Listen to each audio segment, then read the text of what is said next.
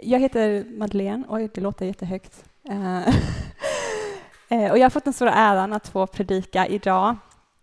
Jag är en av medlemmarna i den här församlingen och eh, till vardags pluggar jag i Lund för de av er som inte känner till mig.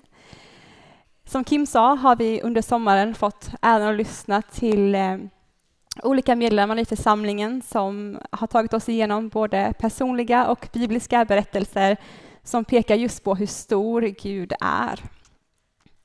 Och eh, idag ska vi prata om det största som Gud har gjort när han gav sitt liv för oss och dog på korset. Korset har kommit att bli en, en symbol för oss kristna och som kallar oss för Jesus efterföljare. Vi bär gärna korset runt våra halsar som ett uttryck för hur stor Gud är, att han dog för oss eh, och som ett bevis på hans otroliga kärlek. Men i många kulturer och religioner världen över så är korset ganska hatat. Inget så heligt kan ha hängt på något så förnedrande och skamligt som ett kors. Men för oss som kallar oss för Jesus lärjungar är korset symbolen för vår frälsning, för vår räddning och för vår försoning med Gud. Att Jesus genomled korset och den fruktansvärda döden är vad som har gett oss möjligheten att kunna springa in i Faderns armar. Jag tror inte vi kan tacka Gud nog för korset och för den frihet som vi har på grund av det. Men kanske också bör vi se korset för vad det är, som den grymma avrättningsmetod som tog Jesus liv. Korsfästning var något av det grymmaste sätt att bli avrättad på.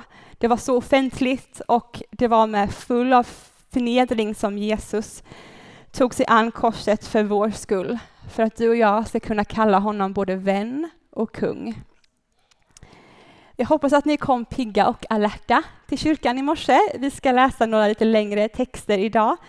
Men vi ska börja med en text från en bok som heter Det radikala korset, som är skriven av en man som hette Adrian Tozer från 1800-talet. Jag tror den kommer upp här.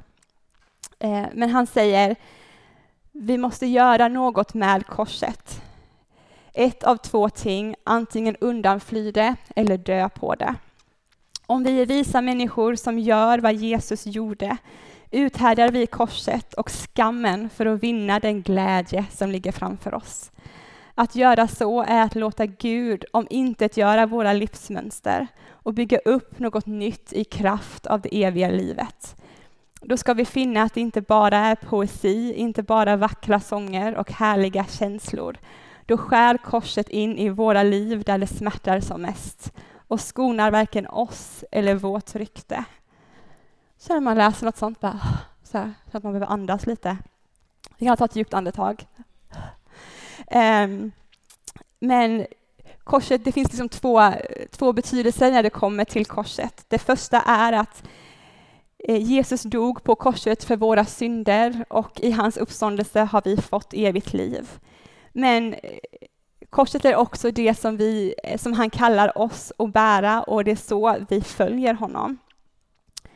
Det är med vetskapen om korsets grymhet som Jesus spenderar hela sitt liv på jorden med att vandra mot det.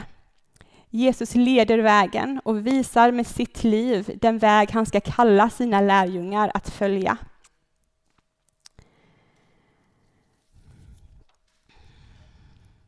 Och vi ska läsa i Lukas 14, 25-33, eh, där Jesus förklarar korsets väg för sina lärjungar. Det står Stora skaror vandrade med honom och han vände sig om och sa till dem om någon kommer till mig och inte sätter mig högre än sin far och sin mor, sin hustru och sina barn, sina bröder och systrar och även sitt eget liv, så kan han inte vara min lärjunge. Den som inte bär sitt kors och följer mig kan inte vara Jesu lärjunge. Om någon av er vill bygga ett torn sätter han sig inte först ner och beräknar kostnaden och ser om han kan fullfölja bygget. Annars, om han har lagt grunden men inte lyckats bygga färdigt, kan alla som ser det börja håna honom och säga, den mannen började bygga men lyckades inte bli färdig. Eller vilken kung går ut i krig mot en annan kung utan att först sätta sig ner och tänka efter om han med 10 000 man kan möta den som kommer emot honom med 20 000. Kan han inte det skickar han sändebud och ber om fred medan den andra fortfarande är långt borta. På samma sätt kan ingen av er vara min lärjunge om han inte avstår från allt han äger. Det finns mycket att säga och liksom dra isär i den här bibeltexten och den ges ofta rubriken Kostnaden att följa Jesus. Men vad innebär det egentligen? Vad är kostnaden att följa Jesus? Och vad betyder det att ta upp vårt kors? Jag tror att den här texten bör göra något med oss. Den sätter Jesus på sin rätta plats i våra liv och vi, vi ser hur liksom ur synk vår prioriteringslista ofta är. Han uppmanar oss inte att förstöra våra relationer eller inte investera i, i dem. Men han kräver att hans efterföljare förstår vad han är värd. Och med att bära våra kors menar Jesus här att vi ska avsäga oss rätten till mer än det som Gud har gett oss, mer än det han har gett oss för den här stunden och för den här perioden i våra liv. Att räkna kostnaden för att följa Jesus är ett främmande begrepp för ganska många av oss. Kanske framför allt de av oss som har vuxit upp i Sverige och i de svenska frikyrkorna eh, där vi kanske ansetts annorlunda, lite konstiga av våra klasskompisar eller kollegor, men där vår efterföljelse inte har haft ett så högt pris. Men det finns människor och medlemmar i vår församling som kommer från länder som Iran och Afghanistan eller andra delar av världen som har smakat på, på förföljelsen och jag tror att vi har mycket att lära av deras efterföljelse och kostnaden av deras ja till Jesus. I det nya testamentet, både i evangelierna och i de breven som följer, så är de skrivna till en församling i förföljelse det här beslutet att följa Jesus och tro på honom kostar dem ryktet, men ganska ofta kostar det dem också livet. Och det är i liksom, ljuset av den verkligheten som vi får läsa den här texten och den får nytt liv när vi förstår att lärjungarna ombeds att räkna kostnaden för att följa Jesus och de måste bestämma sig för om Jesus är värd hela deras liv. Det kan få mig att blicka tillbaka till när jag, när jag gav mitt liv till Jesus på en ungdomsgudstjänst för ja, ganska många år sedan nu. Men där beslutet om att följa Jesus handlade mer om att jag ville utforska vem han var, vad var eh, hans närvaro, den glädjen som jag hade mött, där, vad handlade det om? Och jag kan nu inse vilket privilegie det har varit att få smaka på Guds godhet och hans närvaro utan livet som insats. Jag var nyligen på en resa i Jordanien eh, för att se vad det ja, fanns för möjligheter att åka ut i, i långtidsmission där. Och när jag var och hälsade på ett, ett, team i en av städerna så, så fick jag privilegiet att höra om, om ett nätverk av typ 60 syriska nyfrälsta familjer som träffades i eh, för detta muslimer som träffades i hem och under jorden för att be och lovsjunga, läsa Bibeln och älska Jesus tillsammans. Men också med den liksom överhängande vetskapen om att om de påkoms av sina muslimska vänner och bröder så skulle det mycket väl kunna kosta dem allt de har. Men de räknade den kärlek och glädje som Jesus ger värd det. Eller att livet utan honom inte är värt något alls. En kväll hade de en lite, en lite större samling där eh, det var en kvinna som såg att hennes granne var där. De hade ingen aning om att de båda följde Jesus.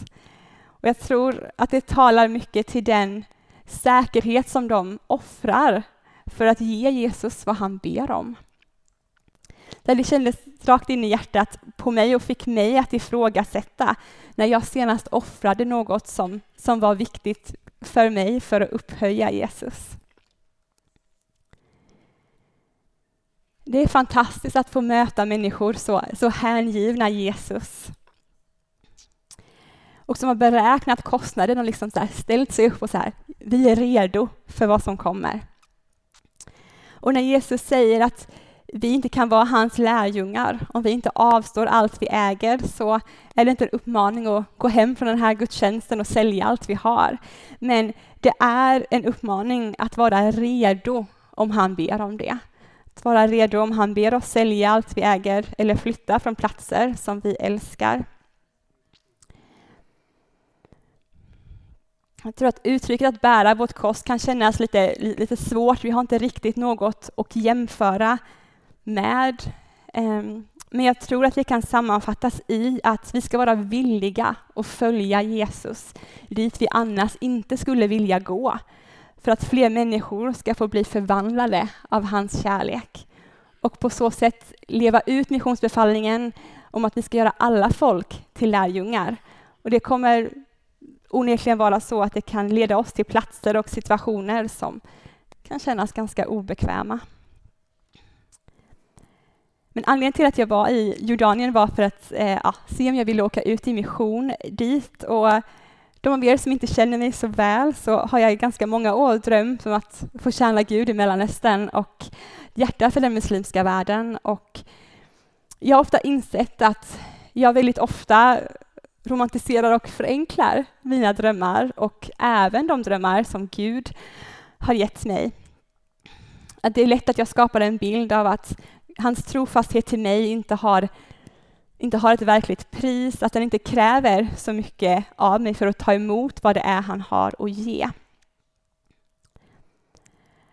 Och när jag var i Jordanien så kände jag för första gången, tror jag, att jag fick smaka en bråkdel av den kostnad som Jesus pratade om i Lukas evangeliet. När jag nu fick möta en, en kultur som skulle kunna komma och ta ganska många av de friheterna som jag tar för givet. Eh, friheter som att kunna klä mig vad jag vill, att inte behöva täcka mitt hår, att få gå ut när jag vill eller att enkelt och ganska smärtfritt kunna resa ensam som kvinna. Och, och, inte minst kanske det kändes som att ta upp mitt kors, bara tanken på att leva i ett land där försommaren är 40 grader varm. Och jag kan tycka att liksom 22 grader i Sverige, det är bra. Men eh, så det var ärligt talat kanske lite av en lättnad att komma tillbaka eh, till Sverige igen, men också få som inse hur, hur bra vi har det. Eh, kanske framför allt som, eh, som kvinna, men, men också liksom att vi inte ska ta för givet de friheter som vi får ta del av här.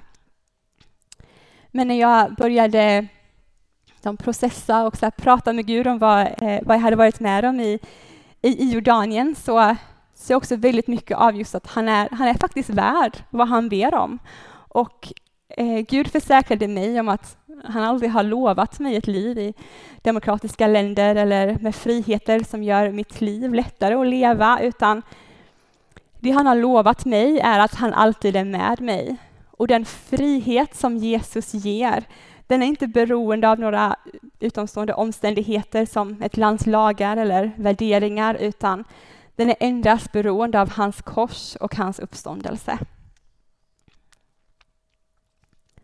Nu är vi inte alla kallade att flytta världen över och göra nya kulturer till våra hem, men vi är alla kallade att följa Jesus dit han leder oss, oavsett om det är över gatan eller över världen. Och på andra sidan Jesus kors finns uppståndelsen, och jag tror att på andra sidan våra kors finner vi också Guds uppståndelses kraft, inte bara för oss själva, men också för hela världen. Jag tror att vi finner mycket glädje i att Jesus ber oss inte att göra något som han inte har gjort. Och vi kommer inte frestas av något som inte frestade honom. Jag tror att det, alltså hela grejen med att ta upp vårt kors kan kännas lite omöjligt och, och ensamt att ge upp eh, livsmönster, vanor som, eh, som vi har. Men jag tror också att det finns en oerhörd gåva i att Gud har gett oss liksom frimodigheten att få komma till honom och be, och be om hjälp. För att få liksom igenkänning för det vi går igenom. Alltså han är den som sitter jämte oss. Och så ah, nej, men jag, jag, så här, jag förstår hur det känns. Um, och att vi inte behöver genomlida varken korset eller glädjen i vår uppståndelse själva. Men vi behöver lite hjälp, tror jag. Um, så här, hur, hur bär vi egentligen våra kors? Så här, var kommer kraften ifrån? Hur ska vi orka bära det? Eh, och jag tror att vi hittar eh, ett svar i Lukas 3, 21 till 22. Där det står När nu allt folket döptes blev även Jesus döpt. Medan han bad öppnades himlen och den helige Ande sänkte sig över honom i fysisk gestalt som en duva. Och från himlen kom en röst. Du är min älskade son, i dig har jag min glädje. Det är innan Jesus har gjort någonting, innan han har påbörjat sin tjänst, sin väg mot korset, som är den stora anledningen till att han kom till jorden som Fadern uttrycker sin glädje och sin villkorslösa kärlek över honom. Faderns glädje ligger i Jesus person och inte i hans gärningar.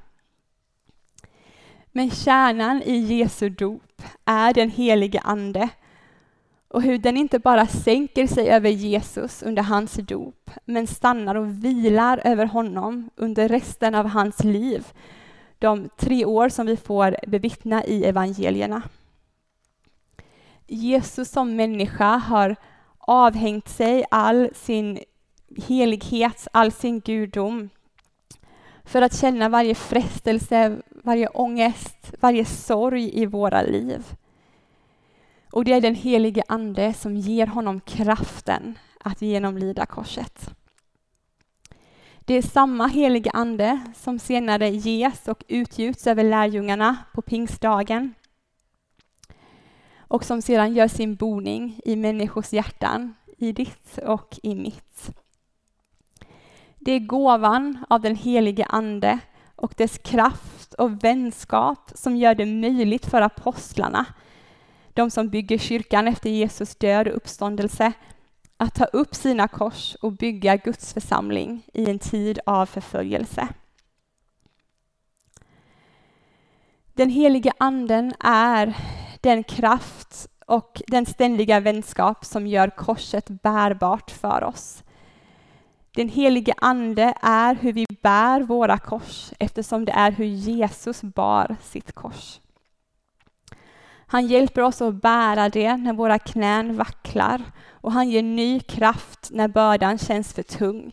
Det är liksom den helige Andes armar som håller upp korset när vi inte orkar bära det. Liksom Jesus hade hjälp att bära sitt kors till Golgata. Men jag tror också att korset och liksom vägen dit, den vägen som Jesus ber oss att vandra, sträcker vår karaktär, vår person och vår kapacitet på kanske fler sätt än vi ibland önskar. Men det är den helige Ande som ger oss kraft och uthållighet att fortsätta växa så att vi blir mer lika Jesus, så att den här världen får se vem han är. Det är med den helige Andes kraft och hjälp som korset blev en glädje för Jesus, för vår skull. Men det är också genom den helige Andes kraft som våra kors kan bli en glädje och ett privilegie för vår Herre Jesus skull. Och jag tror att väntan är att den helige Ande är med oss. Vår, den konstanta närvaron, eh, både i Jesu liv men också i våra liv. Att om vi skulle sammanfatta vad jag kanske vill att ni tar med er härifrån idag, så är det just att, att på korset dog Jesus för våra synder och i hans uppståndelse har vi fått evigt liv, men han har också kallat oss att vandra samma väg som han gjorde. Och det betyder att vi ska få ta upp våra kors, för han är värd det. Och, men turen är ju att vi, inte, att vi inte behöver göra det själva, utan att den helige Ande är med oss och att han bär oss och hjälper oss att ära Jesus och visa världen vem han är. Låt oss be. Ja, Jesus. Välkommen in, Herre. Jag ber att du ska ta din boning i våra hjärtan, Herre. Jag tackar dig för korset, Jesus. Tackar dig för att du var villig att vandra korsets väg för vår skull, Herre. Och helige Ande, jag ber att du ska komma och fylla oss med kraft att vandra korsets väg, Jesus. Att, att du ger oss kraft och uthållighet att villigt göra det du ber om. Att stå redo när du säger gå. Att stå redo och säga vad du vill när du vill att vi säger det, Herre. Jag ber att du ska ge oss kraften och liksom frimodigheten att ge dig hela våra liv. Att vi avsäger oss allt vad den här världen har att ge för att vi ska få vinna den obeskrivliga glädje som finns tillsammans med dig Jesus. Heligande, jag ber att du ska uppenbara Jesus för oss. Jag ber att du ska hjälpa oss och vandra, hjälpa oss att gå den vägen som du har kallat oss till, Herre. Vilken ära det är att få ge våra liv för dig, Jesus. Tack, Herre. I Jesu namn. Amen.